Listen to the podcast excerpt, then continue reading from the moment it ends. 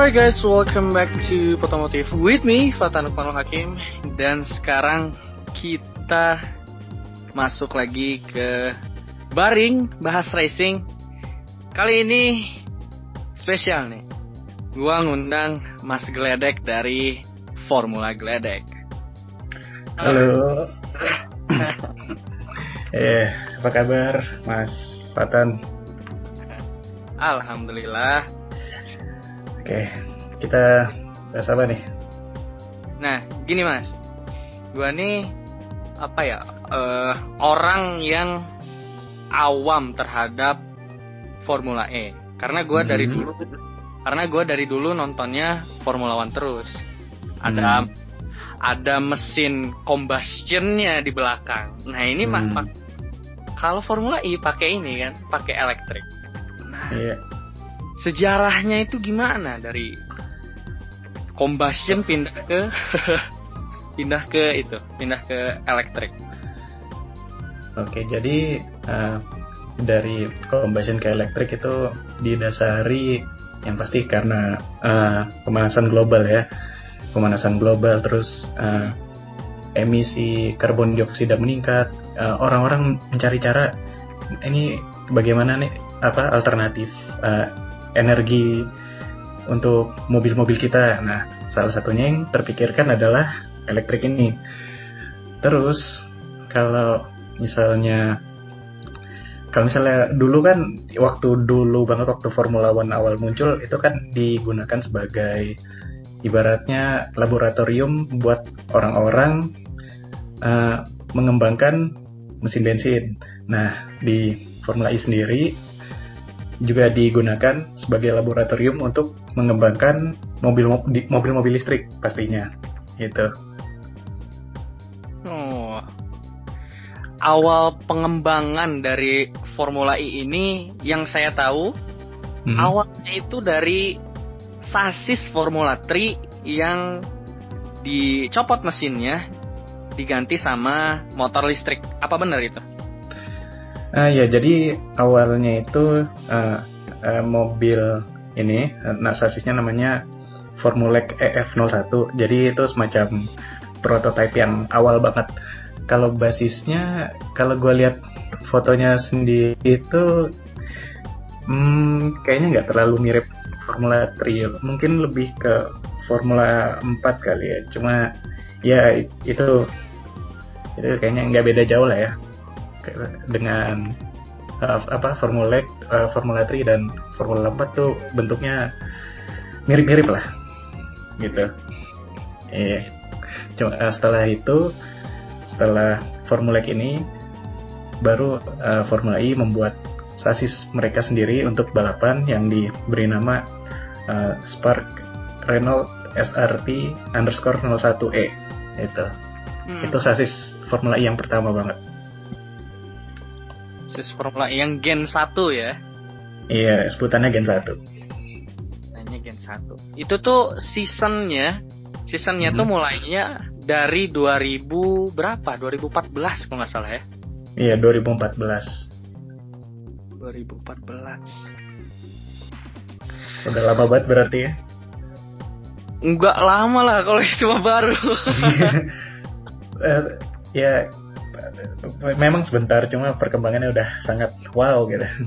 iya. Orang-orang orang-orang tidak menyangka kalau Formula E itu akan sebesar ini gitu. Mm-mm. Dan gengsi-gengsiannya udah mirip sama Formula One sekarang. Malah Oh iya, betul. Nick De Vries bukannya step up ke Formula One, malah stepnya ke Formula E. Sangat Hmm, kaget ya kemarin. Semua juga kaget kok ini orang habis juara Formula 2 kok pindahnya ke sini gitu. Iya. merupakan sebuah ibaratnya kayak ibarat bahasa Inggrisnya tuh jump the ship gitu, melompat dari kapal gitu. Iya. Iya. Dan baik bicara soal gengsi, mulai musim depan di tahun 2021 Januari itu Formula E udah berstatus World Championship. Jadi gengsinya sama antara Formula One, World Endurance Championship, World Rally Championship, dan apalagi ya, World Rally Cross. Nah itu gengsinya udah sama karena sama-sama World Championship gitu. Iya. Ini gue nih mau tahu soal perkembangan mobil-mobilnya. Dari awal kan itu Gen 1 ke Gen 2, ada hmm. Gen 2 Evo kan? Iya betul. Gen 2 Evo. Nah, gue nih pengen nanya Gen 2 Evo. Gen 2 Evo ini beneran mau ada atau cuma gambar doang? uh, yang bisa gue bilang saat ini sih cuma gambar doang. Emang belum ada konfirmasi dari Formula E dan FIA. Uh, cuma dilihat dari berita-berita yang muncul, kayaknya pergerakannya mengarah ke batal ya untuk Gen 2 Evo itu. Hmm. Mau langsung dibikin Gen 3-nya aja kayaknya.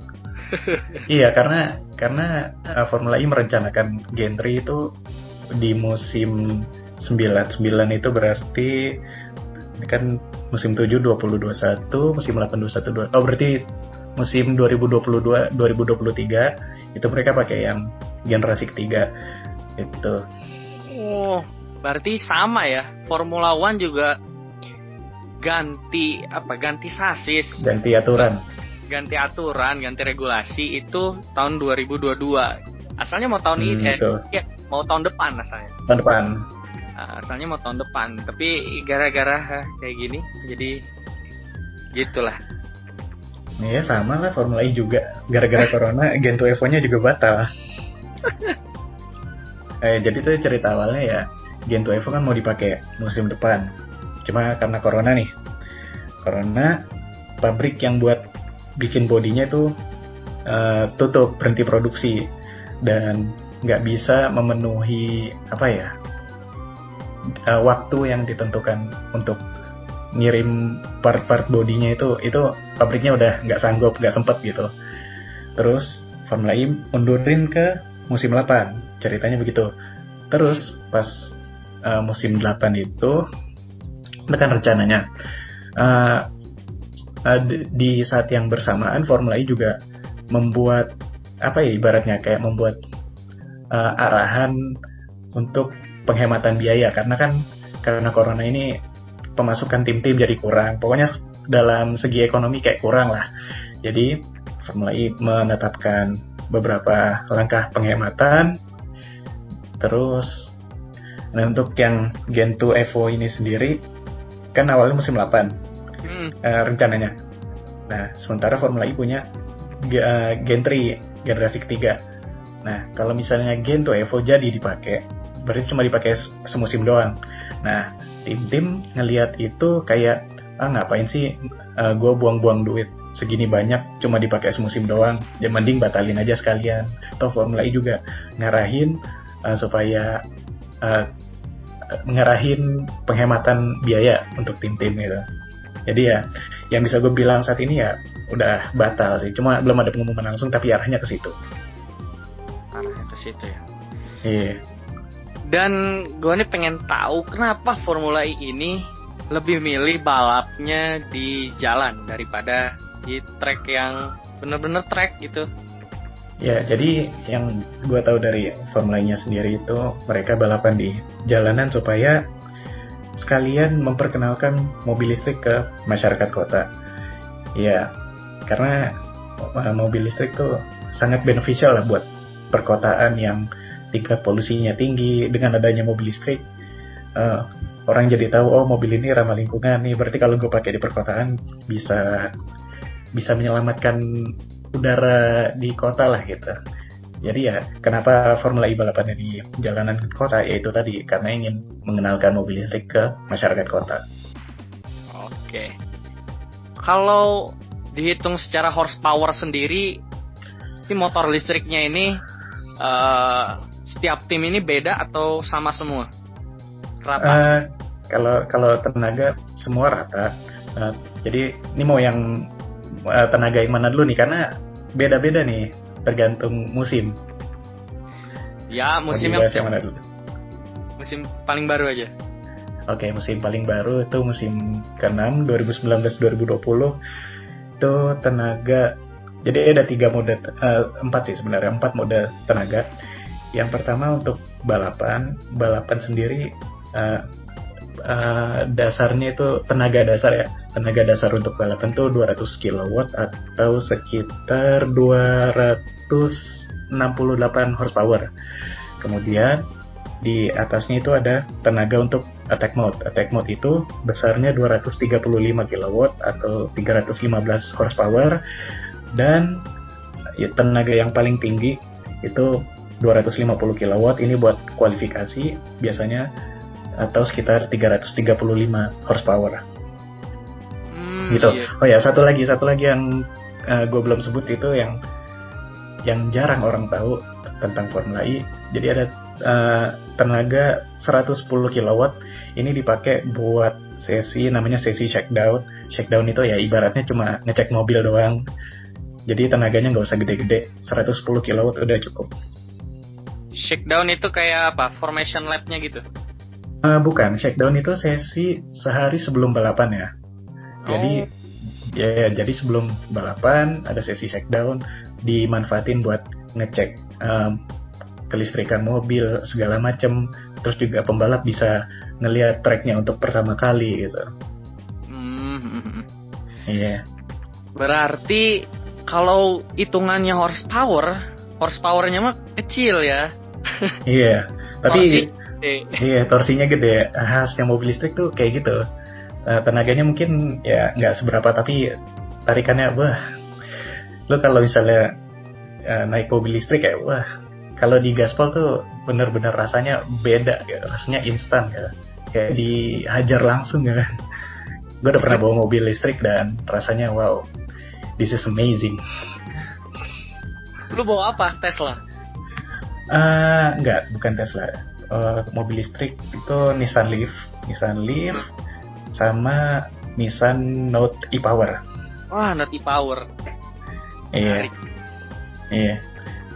itu itu tarikannya emang wah beda lah beda lah sama mobil bensin dan gua nih masih confused tentang kualifikasi di formula ini kayak ada apa uh, dibagi-bagi gitu sat, hmm. sat, berapa itu tuh kayak gimana sih? Nggak ngerti gue. Ya jadi ada 24 pembalap ini dibagi ke empat kelompok. Empat kelompok buat kualifikasi. Nah gimana nentuin uh, siapa yang masuk kelompok ini kelompok ini? Itu berdasarkan urutan klasmen urutan klasmen tuh uh, yang urutan pertama sampai urutan ke-6 itu masuk kelompok 1, kemudian 7 sampai 12 masuk kelompok 2, uh, eh, terus urutan 13 sampai 18 3 dan seterusnya. Nah, setelah dibagi ke empat kelompok itu ini nih kelompok dikasih waktu 6 menit buat mencetak waktu. Jadi jadi yang urutan keluar untuk kualifikasinya itu kelompok satu dulu yang isinya urutan 1 sampai 6 di klasmen, terus kelompok 2, kelompok 3, kelompok 4. Itu masing masing masing-masing kelompok dikasih waktu 6 menit buat ngeset waktu. Nah, setelah empat kelompok ini udah selesai semua uh, kualifikasinya, diurutin kan waktunya. Yang pertama paling cepat sampai 24 Nah, yang 6 teratas ini nanti diadu lagi dalam babak namanya Super Bowl. Nah, kalau yang di Super Bowl ini, yang urutan ke-6 di kualifikasi tadi, maju pertama uh, untuk melakukan one shot lap. Jadi, uh, urutan ke-6 maju pertama, kemudian kelima, 4, 3, 2, 1. Gitu. Jadi, udah kayak gitu kualifikasinya. Sebenarnya gampang kalau mau ngikutin sih. Asal paham aja. Oh, jadi nggak ada apa ya, istilahnya itu kan kalau di Formula One Q1 keluar semua gitu kan hmm. nggak ada apa ya nggak ada traffic yang ngalangin itulah istilahnya nggak ada nggak ada traffic yang ngalangin waktu kita mau ngeset waktu. Itu benefitnya di situ. Iya dan benefitnya lagi untuk uh, pembalap-pembalap yang di kelompok uh, keempat mungkin biasanya tiga atau empat itu punya peluang untuk start di depan tuh lebih besar karena uh, tracknya ibaratnya udah di apa ya udah dibantuin sama kelompok-kelompok awal gitu. Oh, ya, uh. jadi jadi posisinya tuh nggak apa ya nggak nggak sama terus gitu kalau misalnya F1 kan kalau udah 10 besar oh ini terus nih pasti nih yang pol ini nih gitu kalau lagi beda gitu udah banyak apa istilahnya lay down rubber juga udah banyak, pasti lebih Iya, ngegrip play. tracknya. Heeh, betul. Jadi yang secara teori kelompok yang belakang-belakang diuntungkan gitu. Secara teori sih kayak gitu. Cuma itu kembali lagi nanti ke performa pembalapnya, mobilnya juga gimana gitu. Itu yang akan membedakan nanti. Nah, balik lagi ke mobil. Mhm.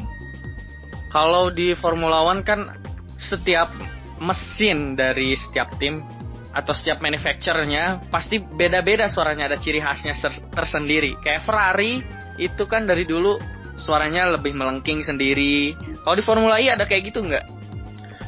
Ah, jadi tiap musim Formula E itu mereka upload video eh, Sound of Formula E dari tiap season gitu. Yang gua tangkap sih tiap musim eh, beda-beda. Bedanya mungkin tipis, nggak terlalu ketara. Cuma kalau bi- dibilang beda ya ada bedanya gitu. Untuk eh, tiap tim, tiap pabrikan itu suaranya.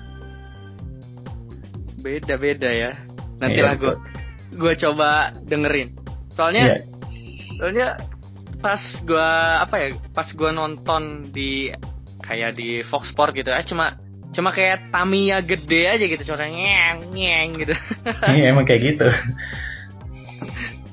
tapi ternyata ada ciri khasnya juga masing-masing Hmm. Nah gua ini mau menanyakan hal yang sempat viral kemarin yaitu tentang Daniel Ab yang di drop sama di drop sama Audi Iya. gimana itu ceritanya? Soalnya nggak nonton juga. Ya jadi jadi kan eh, waktu masa-masa lockdown kemarin eh, Formula E menggelar apa ya istilahnya balapan online gitu Pak. Kejuaraan balapan online namanya Reset Home Challenge. Nah di salah satu balapan itu Daniel Abt itu gampang kita kita nyebutnya gampangnya eh, dia pakai joki. Dia eh, pakai jasa pembalap lain yang membalap atas namanya Daniel Abt dan eh, ketahuan tuh sempat ketahuan. Dan Daniel Abt akhirnya bikin video klarifikasi minta maaf dan dia ngejelasin kalau itu sebenarnya buat lucu-lucuan tapi dia nggak mengharapkan kalau efeknya tuh bisa sampai ke posisinya dia di Audi dia ditendang gitu ya gampangannya sayang sih sebenarnya itu itu prank yang aduh sayang banget gitu Dan dan yang gue gue tahu Daniel F ini dari awal eh, Audi masuk ke Formula E itu dia emang dia pembalapnya kan? Iya dari bahkan dari pertama kali eh, Formula E dari musim pertama waktu Audi perannya belum terlalu besar di timnya gitu. Hmm. Sayang juga sebenarnya ya. Emang Berle- sayang. Berlebihan gitu si tim Audinya ini menurut gue berlebihan terlalu berlebihan. Hmm, ya, ya Daniel Abt juga buat lucu-lucuan gitu. Cuma ya sayang aja nih lebay banget Audinya nggak bisa diajak bercanda gitu. Nah itu. Formula E Jakarta. Kemarin kan sempat diundur. Bukan diundur, dibatalkan. Ditunda Ditunda. Sebelum akhirnya dibatalkan. Ah, ah. Terus Oh. gimana? Kira-kira kalau jadi antusiasme dari Pak warga Indonesia ini bakal kayak gimana? Menurut lo? Menurut gua hmm, gimana ya bahas antusiasme karena karena gini loh eh, takutnya masih ada rasa-rasa politik gitu kan terutama ini ini acara bikinan gubernur kan waktu itu gubernurnya waktu pas pilkada wah begini begini begini sampai masyarakat ibaratnya terpecah jadi dua gitu dua kubu. Dan gimana ya antusiasme gue belum gue belum bisa bilang banyak apalagi ditambah kondisi kayak gini kondisi covid itu eh ya susah deh susah ngomongin antusiasme kayak gimana. Cuma secara umum menurut gue ya warga Jakarta mungkin bakal penasaran oh, ini acara apa sih? Kok kayaknya seru nih ada balapan tengah kota gitu. Eh, nyobaan nonton gitu. Mungkin antusiasme antusiasmenya bakal kayak gitu. Ya kita tahu kan Indonesia terakhir kapan sih punya event internasional balapan ya, kapan hmm. lagi? Yang gue lihat tuh itu aja peluangnya. Indonesia ini mempromosikan dirinya sebagai tuan rumah di event internasional dan mempromosikan juga Jakarta khususnya hmm. yang yang jadi hostnya. Hmm, ya, sayang sayang aja kalau orang Indonesia-nya malah jadi oposisi gitu. Hmm, padahal kan ya kalau misalnya orang-orang yang waras, orang-orang yang nggak mikirin politik, ya kita nikmatin aja gitu loh. Asian Games waktu itu kan juga kita nikmati bareng-bareng gitu. Walaupun masyarakat Indonesia ada kubu-kubuan gitu. Ini sama nih Formula lain juga harusnya kayak gitu. Gak ada kubu-kubuan kita nikmati sama-sama. Iya. Indonesia Indonesia. Idealnya sih seperti itu ideal. Idealnya. Idealnya. Hmm. cuma negara kita kan emang gak ideal masih ada yang kurang banyak di banyak hal ya masih ada kubu-kubuan masih ada bentrok sana sini Yes. Dan itu yang harus dinetralkan di negara kita tuh. Hmm, nggak tahu gimana hmm. caranya. caranya ya belajar lebih banyak lah. Iya, jangan cuma sama. jangan cuma belajar dari satu sudut pandang. Uh -uh. Soalnya Indonesia ini kadang orang-orang warga-warganya ini malah disetir sama yang atas, bukan mereka yang menyetir hmm. yang atas. Hmm Mana sih? Kalau pembalap yang tersukses di Formula E itu siapa? Hmm, menurut uh, uh, sebenarnya kalau bahas pembalap tersukses banyak parameter dulu nih mau dilihat dari parameter mana dari sudut pandang mana apakah dari sudut pandang gelar atau kemenangan atau podium atau poin itu karena nggak ada yang mendominasi semua bagian. Kalau kita maksudnya nggak nggak ada yang mendominasi semua parameter. Jadi tiap parameter itu ada yang dominan gitu. Kalau misalnya kita ngelihat dari sudut pandang gelar, uh, jelas yang paling sukses saat ini uh, Vert dengan uh, dua gelar. Kemudian kalau untuk uh, race win paling banyak kayaknya masih Sebastian Buemi kalau nggak salah 13 kali menang. Kalau gue nggak salah ya. Gue belum buka Wikipedia.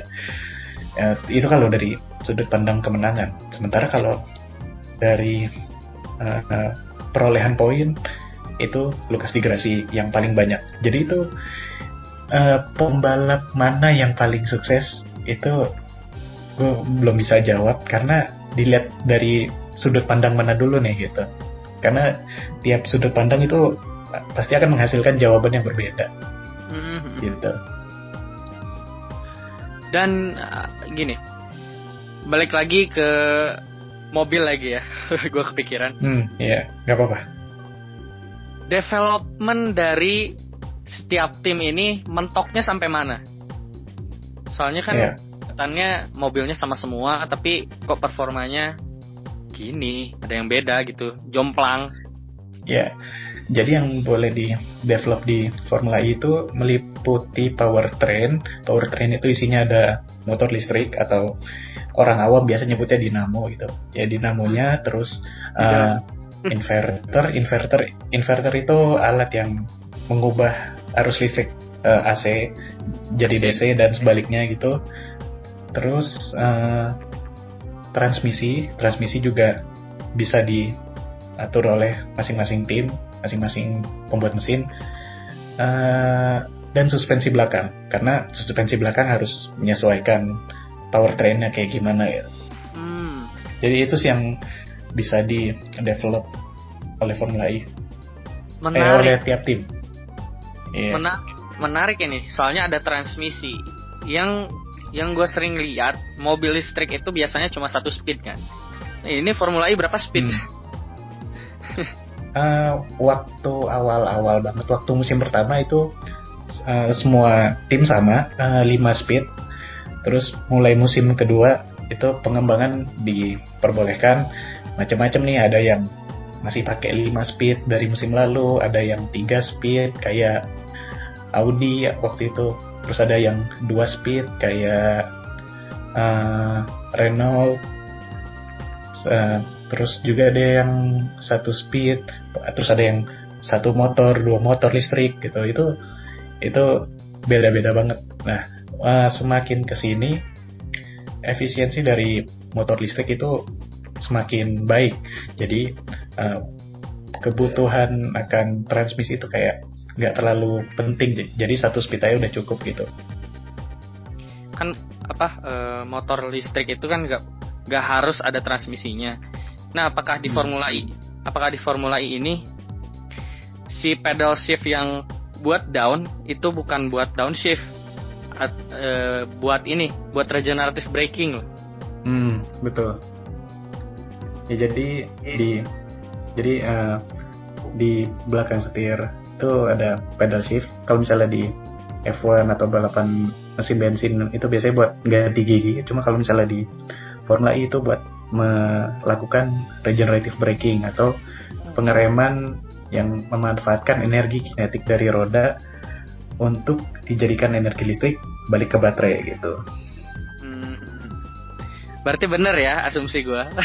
Emang bener, emang bener. Pedal shift yang buat downshift itu buat uh, regenerative braking. Sebenarnya sebenarnya peletakannya nggak nggak cuma di uh, downshift yang di sebelah kanan juga bisa jadi tuas regen. Dan itu preferensinya kayaknya masing-masing pembalap sih. Tergantung. Uh, iya pedalnya mau ditaruh di mana ya. Berarti Formula E ini nggak bisa develop ke ininya ya? Nggak bisa develop ke aerokitnya segala macam nggak bisa ya? Aerodinamik baterai sasisnya nggak bisa. Bagian depan nggak bisa juga. Jadi pokoknya yang bisa di develop cuma bagian powertrain bagian mesinnya sama suspensi belakang. Tapi atur-atur angle camber caster sama eh, top itu bisa. itu ya? bisa pasti. Karena itu kan uh, hitungannya preferensi pembalap. Balap ya. Pembalap oke okay, kayaknya sampai di situ aja ngobrol-ngobrol kita bang. Ya yakin ya singkat amat. Kan bisa bisa apa ya ibaratnya? Apalagi dunia formula itu dunia formula itu luas sebenarnya. Masih bisa banyak yang bisa dibahas tuh. Cuma cuma nggak apa-apa sih. Kalau misalnya teman-teman yang dengerin uh, podcast ini mau tahu banyak soal formula E bisa follow formula geledek di Facebook Twitter dan Instagram. Ya. promosi dikit nih. sama yeah kita ada uh, page dukungan juga buat teman-teman yang mau dukung secara finansial di traktir traktir.id garis miring formula gledek terus juga kita buat podcast uh, podcastnya namanya Sin AR uh, di, bisa didengerin di Spotify. Oke. Okay. kayaknya kalau misalkan gue ada apa ya ada pertanyaan-pertanyaan lagi kita bisa bikin part 2-nya. hmm, gak apa-apa, silakan, silakan. Soalnya uh, gua tuh harus nonton dulu race-nya, baru hmm. ada pertanyaan yang kelintas, gua tulis, pertanyaan kelintas gua tulis gitu. Iya, kalau kalau sekarang mah uh, sudden aja gitu. Apa yang gue pengen tanyain ke lu, langsung gue tanyain. Oke. Okay. Oke, okay, uh, eh, tunggu dulu. Untuk balapan yang gue rekomendasiin ya, yang berdasarkan yang udah gue tonton. Yang pertama Mexico City Prix itu dari uh, dari yang gelaran pertama sampai yang kemarin itu gue rekomend gue rekomend buat tonton karena emang tiap tahun seru di situ. Terus uh, yang berikutnya Punta del Este tahun 2018 kalau nggak salah 2018 Punta del Este IPRI itu rekomend terus yang gue rekomend lagi sebenarnya banyak sih yang gue rekomenin cuma yang ditonton yang itu dulu ya. oke. Okay. karena itu yang bagus balapannya yang seru ya? Iya yang, yang seru. Yang yang gue lihat tuh balapan Formula E setiap balapan Formula E pasti susul-susulannya lebih banyak daripada Formula One.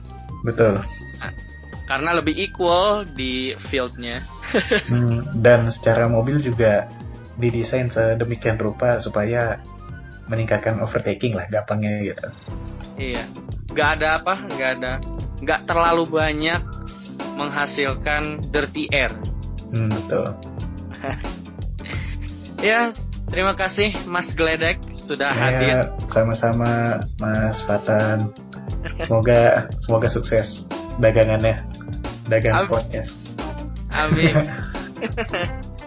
Ya jadi kalau misalnya ada ada pertanyaan lagi nanti tinggal hubungnya oke kita bikin part 2 nya oke.